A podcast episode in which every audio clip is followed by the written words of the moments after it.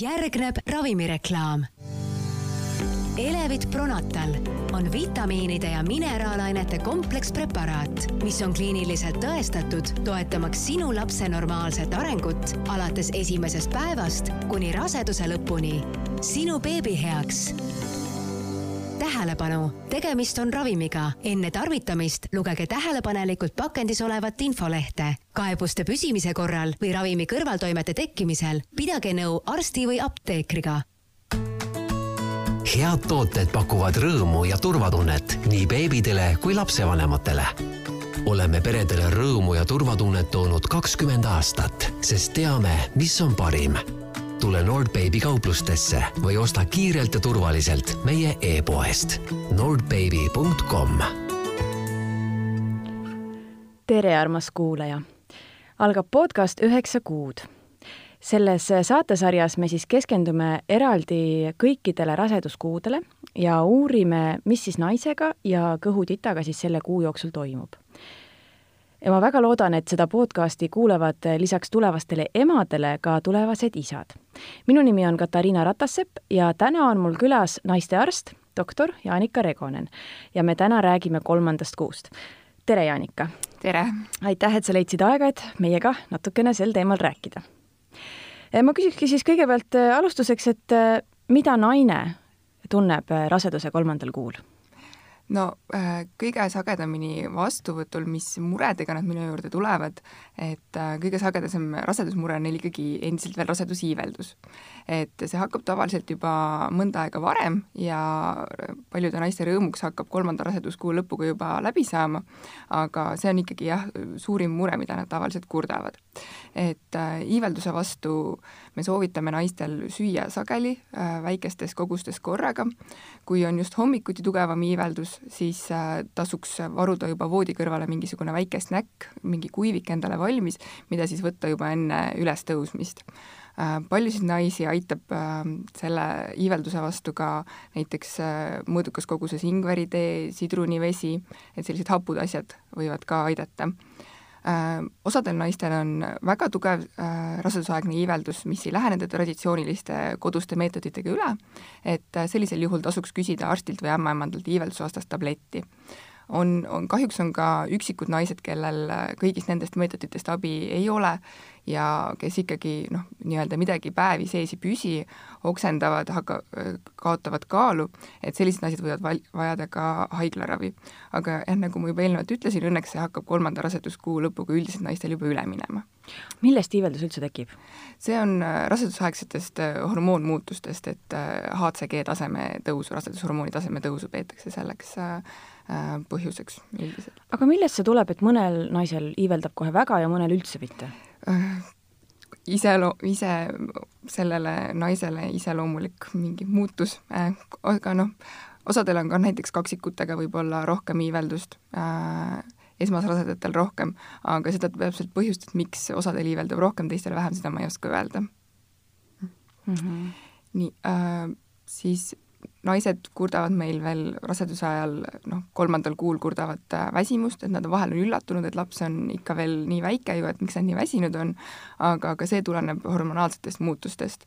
et see tihtipeale taandub äh, teises trimestris ja siis noh, mingil määral tuleb tagasi kolmandas trimestris, kui on juba su kõht äh, üsna suur naised kurdavad meile ka veel raseduse ajal noh, juba ka alguses sellist pearinglust, minestustunnet, et see on sellest, et raseduse alguses vererõhk kipub minema madalamaks, kui neil see eelnevalt oli, ja noh, paljud naised üritavad ka noh, teha oma lapse jaoks parimat ja mõtlevad, et kui nad jätavad kohvi ära, mida nad varem tarvitasid, et siis see on neile hästi tervislik ja hea.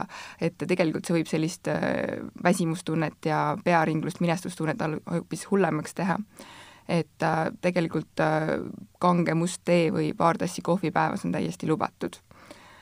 ja naised kurdavad meile ka veel sagenenud urineerimisvajadust, peavalu, rindade valulikkust, tupevoolust, erinevaid isusid, et äh, see kõik on selles rastase suuruses normaalne ja mingit erilist ravi ei vaja. võib olla ka kerget kõhuvalu, tavaliselt on see emaka kasvamisest tulenev emaka sidemete Äh, venituse valu, aga loomulikult, kui tuleb tugev kõhuvalu või veritsused, siis tuleks pöörduda äh, erakorraliselt kontrolli. et äh, mõnedel naistel on ka rasedusega kohanemisega sellist noh, raskusi, eriti kui see on võib-olla nende jaoks mitte nii planeeritud rasedus, et äh, sellisel juhul saame pakkuda ka psühholoogilist abi, kriisinõustamist. aga enamasti naised on ikkagi üsna rõõmsameelsed ja tunnevad ennast hästi. no seda on hea kuulda. aga see küsimus saadab ilmselt naisi raseduse algusest lõpuni, et kas nad võivad ikkagi igas mõttes elada tavapärast elu või millised piirangud neil peaksid olema? Äh, normaalne rasedus ei ole haigus, et äh, et noh, mõned piirangud ikkagi on, millest ma siis äh, räägiksingi, et trenni võib, võib teha, kui on rasedus normaalne, et kui ei ole see ämmaemanda või arsti poolt ära keelatud, ei ole mingit veritsust, kõhuvalu, et siis võib trenni teha, aga noh, me soovitame vältida väga intensiivseid trenne ja suure traumariskiga trenne, et noh, näiteks võitluskunste ei tasu raseduse ajal harrastada. aga muidu ikkagi rasedad peaksid olema füüsiliselt aktiivsed, et noh, üldiselt see on neile, nende lapsele hea ja ka näiteks rasedatel on suurenenud trombirisk, et ja seda trombiriski aitab vähendada see, kui nad ikkagi igapäevaselt liiguvad. aga milline liikumisstiil sobikski kõige rohkem? no üsna populaarsed rasedate seas on äh, rasedate jooga, vees äh, ujumine, vesivõimlemine, et noh, sellised asjad on üsna turvalised, aga kui rase on näiteks eelnevalt käinud jõusaalis ja see tema jaoks on tavapärane treening ja ta tunneb ennast hästi, siis ta võib sellega ka noh, teatud väikeste muudatustega ikkagi jätkata, et äh, kui on mingid spetsiifilisemad küsimused, et siis tasuks küsida oma jälgiva arsti või ämmaemanda käest. aga jah, me ei soovita, et raseduse ajal hakata nüüd tegelema mingisuguse uue väga, väga raske spordialaga, kui rase on millegagi varem tegelenud ja see talle on sobinud ja see ei ole midagi sellist, mida ma eelnevalt ütlesin, et ei tohiks, et siis äh, võib sellega jätkata. Aga kuidas on selle emade ja vanaemade hoiatusega, et käsi ei tohi kõrgele tõsta, et nabarnöör läheb ümber lapse kaela? see on, see on põhjendamatu mure, et jah, naised küsivad ka seda vastuvõttudel, aga see on põhjendamatu mure. Ja ma kohe ennetavalt ütleks, et seda nabaväeti kaela ümber küsitakse ka sageli, et, et palun vaadake, et kas mu lapsel on nabaväet ümber kaela, et me seda spetsiaalselt, me ei vaata seda, sellepärast et paljud titad sünnivad meil nabaväet ümber kaela ja sünnivad täiesti ilusti, nad on kasvanud kenasti, nad sünnivad kenasti, neil ei ole mingeid probleeme. et see nabaväet ümber kaela noh, ei, ei ole ka nendele kuidagi enamasti ohtlik. aga jah, see käte ülestõstmine seda ei põhjusta, et et, et käsi võib üles tõsta? jah, käsi võib üles tõsta. siis äh, lisaks küsitakse veel suguelu kohta, et äh, kui äh, kui rase noh, nagu ei ole neid riskisümptomeid, ei ole kõhuvalu, veritsust ja ei ole ära keelatud, et siis võib suguelu elada ka tavapäraselt. Äh, lisaks uuritakse toitumise kohta, et äh, kahjuks osad naised arvavad, et süüa võib kahe eest, et kahe eest ikkagi päris süüa kahjuks ei või, et äh, raseduse ajal see naine vajab noh, kõige rohkem pluss kolmsada kilokalorit ööpäevas ja sedagi pigem nagu seal raseduse teises pooles, kui laps, laps on suurem ja vajab rohkem energiat. et raseduse alguses ikkagi üldiselt jätkata tavapärase tervisliku toitumisega. Äh, mida ei tohiks süüa, ei tohiks süüa pastöriseerimata piimatooteid, toorest kala, liha, tooreid mune. miks? Sellepärast, et äh, sealt võib saada baktereid, mis äh, läbivad äh, platsentat ja võivad põhjustada lootele infektsiooni ehk põletikku. samamoodi ka pesemata puu- ja köögiviljad võivad põhjustada seda põletikku, et tasuks olla ettevaatlik. et sushi suhtes tasuks ettevaatlik olla? Noh, seal on teatud vist valmistamisviisid ma mm -hmm. kunagi uurisin selle kohta, et on teatud valmistamisviisid, äh, kuidas, kui see vist on külmutatud, et siis sealt ei tohiks olla enam neid mingeid baktereid, aga, aga seda peaks, ma, ma isiklikult arvan, et oleks ohutum seda tõesti igal juhul vältida, kui sa ei saa olla veendunud, et mm -hmm. kuidas see tehtud on. Äh, küsitakse ka rasedusaegsete vitamiinide kohta, et äh, kindlasti me soovitame tarvitada vähemalt esimesed kolm raseduskuud juurde foolhapet talvisel ajal peaks võtma ka D-vitamiini, noh, kõik ka mitterasedad peaksid talvisel ajal Eesti kliimas võtma juurde D-vitamiini. Äh, kahjuks või e, rohkem ei ole uhkem, et, et ei soovita kasutada mitut erinevat raseda vitamiini samal ajal või näiteks multivitamiini ja siis raseda vitamiini kompleksi ühel ajal et äh, sellisel juhul võib naine saada liiga palju mingit vitamiini ja näiteks A-vitamiini liig on äh, lootele ohtlik. et äh, ikkagi üks, üks preparaat ja enamus raseda vitamiinides on juba see, või noh, kõigis tegelikult on see foolhape juba sees, et kui tarvitada mingit raseda vitamiini kompleksi, siis üldiselt rohkem ei olegi vaja. kas seda A-vitamiini võib toidust ka liiga palju saada? Äh, no näiteks maksa söömist soovitatakse mitte väga palju maksa süüa raseduse ajal, et äh, sealt võib saada väga palju A-vitamiini mm. -hmm. samas maksast äh, tuleb rauda ju ka. no sellega kahjuks enamus rasedate rauapuudust ära ei, ei ravi, et rasedatel on rauapuudus väga, või noh, nii-öelda rasedusaegne aneemia, hemoglobiini langus on väga sage probleem ja kahjuks enamus rasedad vajavad sellega ikkagi rauapreparaati juurde, aga seda siis vastavalt sellele, kui ämmaemand või arst seda soovitavad, et selline ennetav mm, igaks juhuks rauapreparaadi võtmine ei ole ka kasulik mm. -hmm.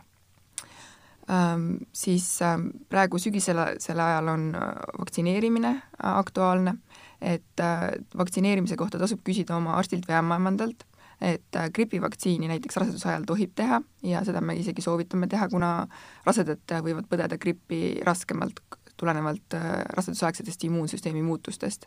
aga osad vaktsiinid, näiteks leetrid, mumps, punetised, nii-öelda elusvaktsiinid on äh, raseduse ajal keelatud. et seda tasuks küsida siis tõesti oma, oma arstilt või ämmaemandalt. loomulikult me ei soovita raseduse ajal alkoholi tarvitada, suitsetada, narkootikume tarvitada äh,, tasuks ohtlik, tasuks ettevaatlik olla ka päevitamisega, et rasedusaegsetest hormoonmuutustest tulenevalt võib tekkida sellist liigpigmentatsiooni, pigmendilaike kergemini kui muidu, et siis äh, päevitamise ja solaariumiga tasuks olla ettevaatlik raseduse ajal. Ähm, saunas ja mullivannis tohib käia mõõdukalt, et vältida väga kuuma, infrapunasaunas me ei soovita käia ja rasedad loomulikult tahavad olla ilusad nagu kõik teised, et juukseid tohib värvida. Äh, jaa, see on üks, üks suur küsimus, et kas rasedana tohib juukseid värvida, seda ja, ma olen palju kuulnud, jah? jaa, tohib küll, tohib küll ja mis siin sügisel veel küsitakse, et äh, noh, tulevad viirusinfektsioonid peale, et küsitakse ravimite kohta ähm,. paratsetamool on raseda esmavalik peavalu, kurguvalu, palaviku korral ähm,. raseduse kolmandal kuul hädajuhul tohib veel kasutada ibuprofeeni ka, aga esmavalik on ikkagi paratsetamool, et kui tõesti näiteks ei lähe see kõva peavalu üle, et siis võib võtta ka ibuprofeeni äh, ninakinnisuse vastu tohib kasutada loomulikult selliseid soolaspreisid äärmisel juhul tohib ka kasutada neid natuke kangemaid nina lahti tegevaid spreisid, aga mida ei tohi, ei tohi võtta neid pseudoefedriini tablette, et need, mis nina lahti teevad. et noh, näiteks äh, sudafeedi tablette ei, ei, ei tohi raseduse ajal tarvitada. kas sellisel juhul Coldrex on äh, ka keelatud? Coldrexis peaks olema paratsetamool minu teada sees, et äh, seal on mingisugune seal on... nohuravim ka sees ju? Äh, siis sellisel juhul ei tohi kasutada. et ma, vabandust, ma kõiki neid mm -hmm. käsimüügiravimeid peast koostisosasid ei tea, et ma peaks selle lahti võtma, et siis ma oskaks täpsemalt öelda.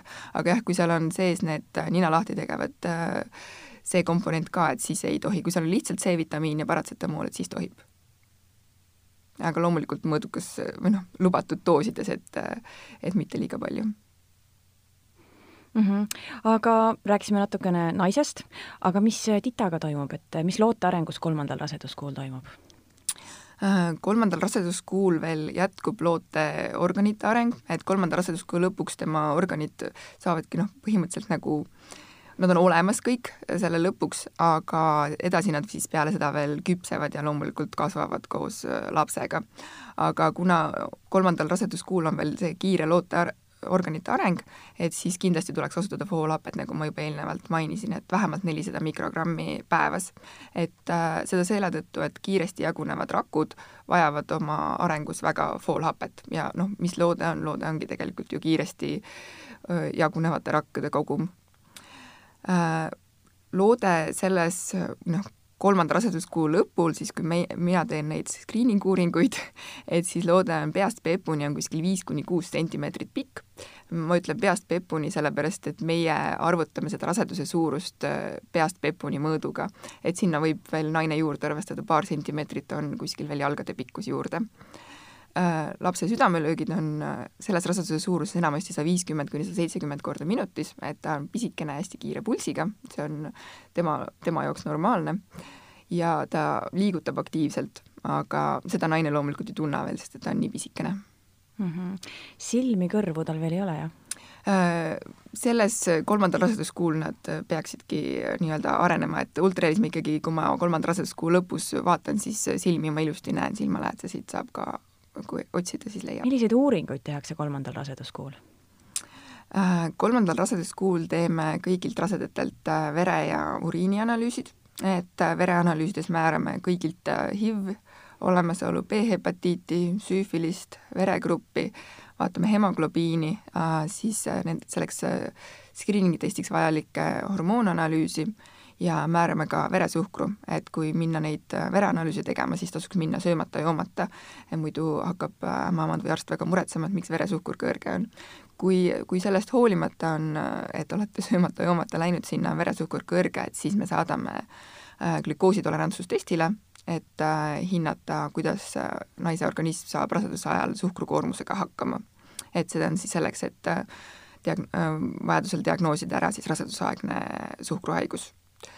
Siis ähm, üheteistkümnendal kuni neljateistkümnendal rasedusnädalal teeme esimese trimestri skriiningu ehk Oscar testi, Äh, vana nimega Kuklavoldi ultraheli, aga nüüd me vaatame seal juba palju rohkem asju. et äh, ma räägin natukene, mis on screening test, et äh, screening test ehk sõeluuring on siis uuring, mille eesmärk on leida üles need rasedad, kellel on suurenenud risk siis sünnitada väärannetega laps või siis kellel on risk preeklampsiaks või kasvupeetuseks.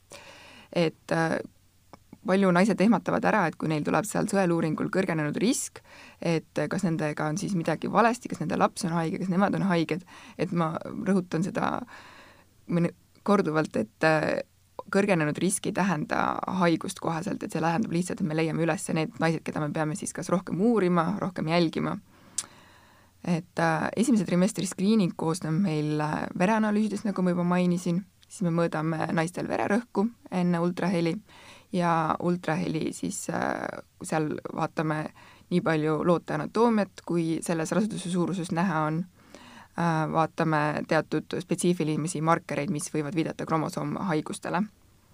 et äh, neid ultraheli uuringuid teevad meil äh, spetsiaalse sertifikaadiga meditsiinitöötajad et äh, enamasti gümnakoloogid, aga Eestis äh, teevad ka näiteks äh, mõned ämmaemandad ja radioloogid. et selleks peab lihtsalt tegema see meditsiinitöötaja endale rahvusvahelise sertifikaadi, et tal on õigus seda uuringut teha. et selles raseduse suuruses ultrahelis me näeme juba aju sellist natuke algelisemat struktuuri, saame vaadata südant, on näha magu, kusepõis, selgroog, käed-jalad, ninaluu ja nagu ma ütlesin juba eelnevalt, et siis laps äh, liigutab seal aktiivselt uuringu ajal enamasti, päris raske on neil vahel järgi püsida et äh, mida me ei näe seal uuringul, mida naised küll sageli küsivad või noh, mitte alati ei näe, on lapse sugu, et sellega kahjuks mm. enamasti peab äh, kannatama. aga võib näha siis juba? jah, vahel on näha, aga ta ei ole näha nii, nagu, nagu tavaliselt äh, inimesed ette kujutavad, et äh, see ei ole nii, et poisil on jalge vahel noku näha, et, et see on, ole, sellises raseduse suuruses on seal suguköbruke ja siis vahel on näha, millise nurga all see on, et kas siis on poiss või tüdruk, aga see ei ole nii spetsiifiline meetod, kui me vaatame pärast kakskümmend nädalat ultrahelis, et siis on juba enamasti kindlasti mm -hmm. öelda, saame öelda Äh, räägiksin natukene veel ka sellest, ähm, kuidas me need riskid äh, saame seal. et ähm, noh, mida me kõige rohkem hindame, on äh, ähm, trisoomiate risk, et kõige levinum trisoomia on trisoomia kakskümmend üks, ehk siis Downi sündroom. et selle riskihinnangu annab meile spetsiaalne arvutiprogramm, kui me paneme sinna sisse siis naise vereanalüüsi vastused, need ultrahelimarkerid, mis me leidsime, et äh, kõrgenenud risk taaskord, nagu ma ütlen, ei tähenda koheselt haigust. et kui me saame näiteks Downi sündroomi riski äh, üks neljakümnele, siis meie jaoks tähendab see juba kõrget riski, aga sellise riskiga loodetavasti ainult äh, ühel neljakümnest on Downi sündroom ja ülejäänud kolmekümne üheksal seda ei ole et, et sellepärast kohe ei tasu muretsema hakata, et äh, kui me saame sellise kõrgenenud riski, siis me pakume naisele lisauuringuid, et äh, tavaliselt me saame pakkuda neile Niptify testi, et äh, see on siis NIPT ehk loote rakuvaba DNA määramine ema verest, naise jaoks tähendab see lihtsalt seda, et ta peab minema tegema vereanalüüsi ja saab paari nädala jooksul siis vastuse. et äh, alates kaks tuhat kakskümmend aastast õnneks Haigekassa meditsiinilise näidustuse olemasolul, ehk siis kui meil tuleb see kõrgenenud risk, siis ta maksab selle uuringu eest, et naistele on see on tasuta. Äh, see nipp-test on ka sõeluuring, et kui sealt tuleb meil madal risk, et siis me rohkem uuringuid sellel selles raseduse suuruses ei tee, et siis järgmine ultraheli tuleb kakskümmend nädalat, nii nagu kõigil. aga kui seal tuleb ka kõrgenenud risk, et kui ka Niptify alusel on see mure püsib, et äh, siis tuleb teha täiendav uuring, et äh, invasiivseks uuringuks nimetame me seda, et siis tuleb läbi naise kõhu võtta siis kas äh, vastavalt raseduse suurusele, kas siis platsenta materjali või lootevett ja sealt me saame siis lõpliku vastuse, et kas äh, Äh, loote kromosoomidega on kõik hästi või on seal midagi valesti mm. -hmm. Niptify's saab teada ka lootesoo, et äh, see on selline väike lisaboonus, et, et kui, kui seal on kõik korras, siis naised on rõõmsad ja lisaks saavad teada veel ka lapse soo mm. -hmm. ja see on siis sada protsenti kindel või?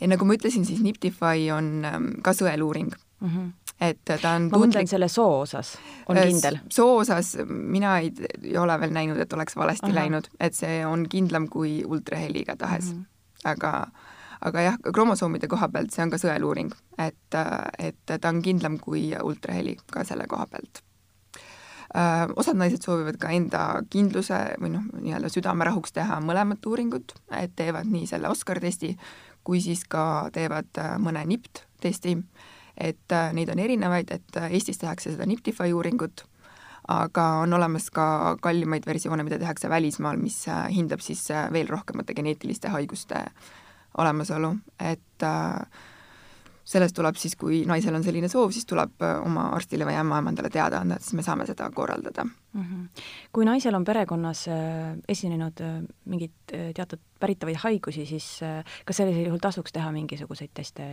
veel?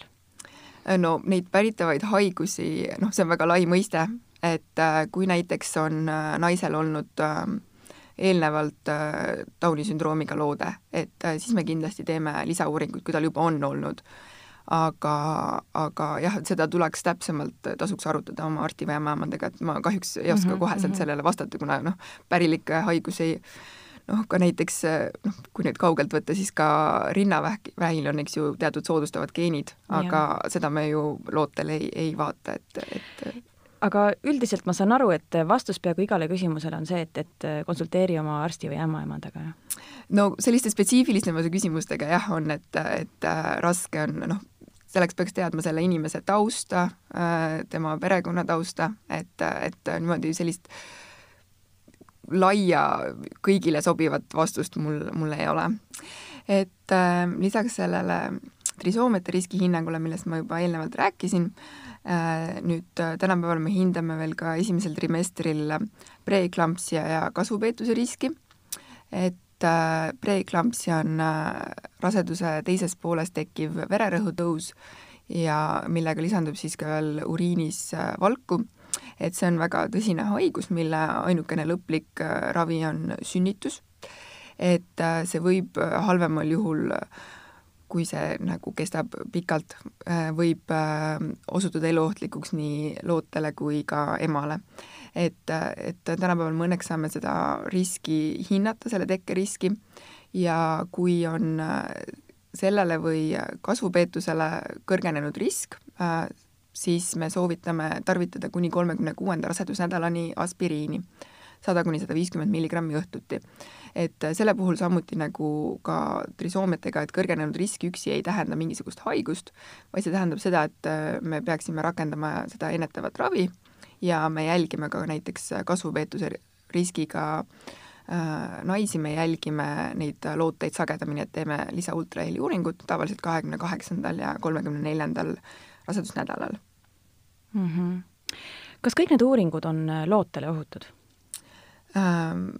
ultraheli on kasutatud äh, raseduse jälgimiseks juba aastakümneid ja üldiselt on see ohutu, et mingi äh, ainukene, mida noh, on leitud, et kui me kasutame spetsiaalset Doppler režiimi äh, pikaajaliselt, siis see võib põhjustada vähest kudede soojenemist ja seda me proovime siis mitte kasutada pikaajaliselt, et no loomulikult meil on vaja seda seal võib-olla paar minutit selle ultraheli uuringu käigus kasutada ja see on ohutu, aga jah, et väga pikaajaliselt me teame sellest riskist ja me seda väga pikaajaliselt ei kasuta. aga muus osas on ultraheli ohutu.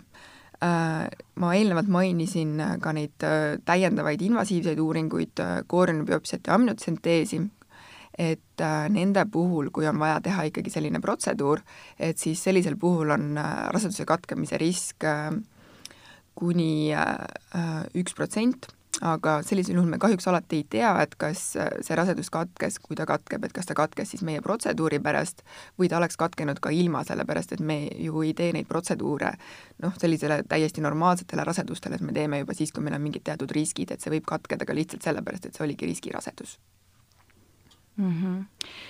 kas uuringutest sai nüüd räägitud kõik või on midagi veel uh,? võib-olla lisaks veel, et ähm, noh, naised on murelikud, kui me soovitame neile aspiriini, et kas nad tohivad seda kasutada mm, -hmm. et kas mhm. see lootele on ohutu, kas see neile on ohutu, et äh, see lootele ei tohiks põhjustada mingeid kahjulikke äh, mõjusid Äh, kuna see on verd vedeldav, väheselt verd vedeldav ravim, siis osadel naistel, kellel on näiteks eelnevalt on äh, tugevad nina-verejooksud, et äh, siis neile see ei pruugi sobida, et neil võivad need veel hullemaks minna. ja üksikutel naistel on ka aspiriiniallergia.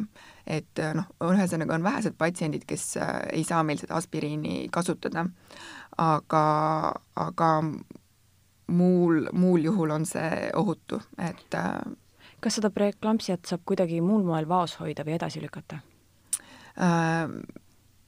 kui, kui see tekib meil äh, väga varajases, äh, noh, mitte nüüd väga varajases, väga varajases staadiumis ta ei saa tekkida, aga noh, näiteks sellisel juhul, kui laps oleks veel äh, sügavalt enneaegne, tekib juba preeklampsia, siis me saame noh, ravida seda vererõhku, saame alla võtta teatud piiril nagu natukene venitada, valmistada last sünnituseks ette, aga välja me seda kuidagi ravida ei saa, et see üldiselt läheb ikkagi ainult hullemaks ja seda päevadega. et, et seal noh, mingit pikka venitamist üldiselt ei ole, kui, kui see haigus on juba tekkinud, et selle tõttu ongi äärmiselt oluline äh, alustada see ennetav ravi ja noh, samuti kasvupeetusega, et kui, kui see juba tekkima hakkab, noh, kasvupeetus on siis, tähendab seda, et laps ei kasva nii, nagu ta peaks ja ta võib hakata ennast ka seal halvasti tundma, kõige halvematel juhtudel, kui me jääme sekkumisega hiljaks, siis võib äh, laps kõhtu lihtsalt ära surra. et, et äh, noh, need on tõsised haigused ja kui arst või ämmaemand teile ütleb, et te peaksite seda äh, ennetavat ravi tarvitama, siis kindlasti tasub seda teha, kui puudub mingi oluline põhjus, miks ei saa seda teha. aga mida siis teha, kui selgub, et midagi muud on valesti? No kui me leiame Äh, lootel mingisuguse väärarengu, et äh, siis noh, kui me leiame tõsise väärarengu, siis äh, on naisel õigus katkestada kuni kahekümne teise rasedusnädalani meditsiinilisel põhjusel oma rasedus. et kaheteistkümnendal rasedusnädalal, kui me teeme seda või noh, umbes sealkandis, kui me teeme seda esimest trimestri screeningut, siis noh, sageli loode on veel nii väike, et me ei saa veel lõplikku otsust teha, et me siis jälgime neid rasedusi, Äh, ja vaatame natukene noh, varem, tavaliselt küll varem uuesti kui kakskümmend nädalat, vaatame näiteks kuusteist nädalat uuesti, kuidas äh, sellega läheb, aga kui me leiame mõne raske kromosoomhaiguse või, või raske väärarengu, siis on jah, õigus äh, rasedus katkestada, aga see on alati naise enda otsus. Et meie seda peale ei sunni et mõned, enamus naisi otsustab ikkagi sellisel puhul oma raseduse katkestada, aga mõned naised otsustavad rasedusega jätkata ükskõik mis, mis juhul, et äh, meie eesmärk on äh, sellistel puhkudel pakkuda naisele piisavalt informatsiooni, et äh, ta saaks teha endale ja oma lapsele parima otsuse mm. -hmm. loomulikult, kui, kui midagi sellist juhtub, siis pakume ka kriisinõustamist, psühholoogilist abi mm. -hmm. sain juba enne aru, et kriisinõustamisse võib siis äh, minna ka ilma mingi nähtava põhjuseta, eks ole, kui naine tunneb ennast psühholoogiliselt kuidagi kehvasti äh, jah, raseduskriisi nõustaja juurde pöördumiseks on äh, mitmeid põhjuseid, et kas noh, ongi see rasedusega mõttega kohanemine raske, mingid perekondlikud probleemid, suhteprobleemid, kahjuks äh, suhtevägivald esineb ka raseduse ajal, et äh, noh, sellisel puhul peaks mul muidugi ka tõsise vägivalla korral võtma ühendust ka politseiga, aga, aga meie saame siis omalt poolt suunata kriisinõustamisse. ja siis ka, kui rasedusega läheb midagi nii, et mida ei olnud planeeritud, et kõik ju loodavad, et nad, nende rasedus kulgeb ideaalselt, nad sünnitavad õigel ajal terve lapse, et kõik on kenasti, aga, aga kui mingis selles etapis midagi läheb valesti, midagi ootamatut juhtub, et siis me saa-, saame suunata kriisinõustajale, et neist tavaliselt on üsna palju abi naistele mm. -hmm. me praegu oleme rääkinud üsna sellist ajatut juttu, mis sobib igasse aega, aga me praegu elame üsna äreval ajal seoses Covid-19-ga, et äh, kuidas see muudab äh, siis raseduse jälgimist ja ka sünnitust praegu? Ähm,? no kevadisel ajal, kui oli meil plaaniline töö ka piiratud, et äh, siis me asendasime need esimese trimestri screening'u seal Oscar testi asendasime äh, Niptify uuringuga, et siis haigekasu, haigekassa tasus kõigile selle Niptify uuringu, et siis oli vähem kokkupuudet äh, äh, patsientide ja personali vahel aga praegu me õnneks saame teha ikkagi seda Oscar testi, et äh, kuna seal, nagu ma juba eelnevalt mainisin, me näeme ka preeklampsi kasvupeetuse riski ja saame hinnata loote anatoomiat, täpselt hinnata raseduse suurust, et me saame palju rohkem lisainformatsiooni kui ainult selle Niptify testiga. Äh, kahjuks praegu ultrahelide juurde, vähemalt ähm, Pelgulinna sünnitusmajas, kus mina töötan, me äh, kaaslaseid ei, ei saa lasta, et äh, see on kõigi ohutuse huvides, aga me proovime teha igal ultrahelil ka naisele kaasa mõned pildid, et äh, see aitab ka mehel kohaneda selle mõttega, et tema naise kõhus kasvab -hmm. nende tulevane ühine laps, et kuidagi me ikkagi proovime äh, integreerida ka meest sinna juurde ja noh, õnneks hetkel sünnituse juurde, kui mees on terve, siis äh, saab mees ka tulla. et kahjuks kevadel see oli ka osaliselt äh, piiratud et.... kas ta saab tulla kohe algusest peale? Äh, see oleneb nüüd, kui meil ähm, naine läheb kõigepealt näiteks sünnieelsesse osakonda sünnituse esilekutsumisele, siis sinna mees kaasa ei saa tulla. aga see oli samamoodi ka enne meie seda ootamatut koroonaaega, et, et lihtsalt varem oli seal külastamine lubatud sünnieelses osakonnas, nüüd ei ole ka enam seda. aga kui naine viiakse üle sünnitustuppa, siis võib mees kaasa tulla. et hetkel ainuke piirang on see, et noh, paar piirangut, et ta peab terve olema, naise, naisel teeme me koroonatesti, et naise koroonatest peab olema negatiivne ja mees ei saa vahepeal koju minna ja tagasi tulla. et kui ta haiglasse tuleb, siis ta peab ka sinna naise juurde jääma. noh, ta võib muidugi, kui naine näiteks mingil põhjusel peab haiglasse jääma nädalaks, et mees võib olla ka tema, temaga koos näiteks mõned päevad ja siis minna koju, et paljudel ei ole ju mitte esimene laps, vaid keegi on kodus, kes ootab, et isa-ema temaga tegeleksid, et siis isa saab minna selle teise lapse juurde. et, et siis ta tagasi enam ei saa tulla, et see on see piirang Äh, kevade poole rohkem me tegime ka telefonivisiite, et äh, kui teatud raseduse suuruses noh, ei ole nii hädavajalik see kont-, füüsiline kontakt, et äh, rohkem naistel olid lihtsalt küsimusi, kuidas mingisuguse kaebusega või noh, murega hakkama saada, et roh-, tele, kevadel tegime ka rohkem telefonivisiite, aga praegu on neid üsna, üsna vähe järgi, et noh, seda, kuidas edasi saab, seda ma ei oska loomulikult prognoosida praegu keegi vist ei oska mm. -hmm et aga, aga jah, kui, kui sama jutt nagu ka eelnevalt, et kui, kui on mingisugused küsimused ka äh,, millised muutused on parasjagu äh, toimunud, et kas tohib sünnituse juurde ja kõik nii edasi, et siis äh, alati oma arstilt või ämmaemadalt saab vastuse mm. -hmm. aga kuidas on sünnitusmajas teiste külalistega peale isa? Äh, teisi külalisi me ei lase, no selles mm -hmm. mõttes, et ähm, noh, äh, sünnituse juurde võib tulla pereliige, osad naised tulevad mitte sünnitama oma äh, lapse isaga, vaid tulevad näiteks oma emaga, et kui see on mm -hmm. nende perekonnaliige, keda nad regulaarselt näevad ja see inimene on terve, siis nad võivad selle inimese võtta nii-öelda tugiisikuks isa asemel mm. -hmm. aga noh, me ei soovi hetkel haiglasse inimesi, kellega naine ei ole kokku puutunud eelnevalt, et noh, näiteks äh, tasulised sünnitoetajad, et neid me ei soovi, kuna me eeldame, et kui äh, naine teeb koroonatesti ja see on negatiivne, et siis ka temaga koos elanud mees on tõenäoliselt terve või ema või õde.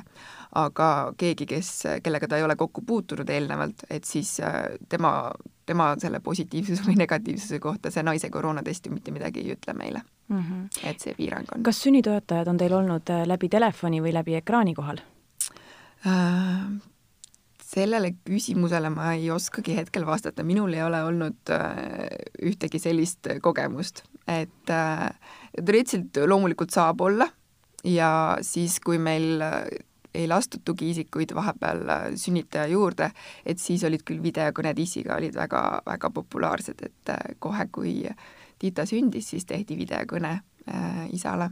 et loomulikult teoreetiliselt saab teha ka videokõnet sünnitoetajaga aga mina ei ole praegu näinud, et seda oleks olnud mm. -hmm. hästi, meie saateaeg on märkamatult otsa saanud. aitäh, et äh, leidsid aega meiega rääkida, siis naistearst Jaanika Regonen ja aitäh sulle, armas kuulaja, et võtsid vaevaks saade ära kuulata. ma soovin sulle ilusat lapseootuse jätku ja kõik meie saated on leitavad ka Spotify'st, iTunes'ist ja SoundCloud'ist ja ka kõikidest teistest suurematest podcast'ide rakendustest. leia meid üles ja hakka jälgima ja uued episoodid jõuavad esimesena sinuni. aitäh, kuulmiseni! toidulisand Elevit Breastfeeding soodustab lapse silmade ja aju arengut ning toetab ema immuunsüsteemi ja aitab vähendada väsimust. sinu ja sinu beebi heaks head tooted pakuvad rõõmu ja turvatunnet nii beebidele kui lapsevanematele. oleme peredele rõõmu ja turvatunnet toonud kakskümmend aastat, sest teame, mis on parim. tule Nordbaby kauplustesse või osta kiirelt ja turvaliselt meie e-poest nordbaby.com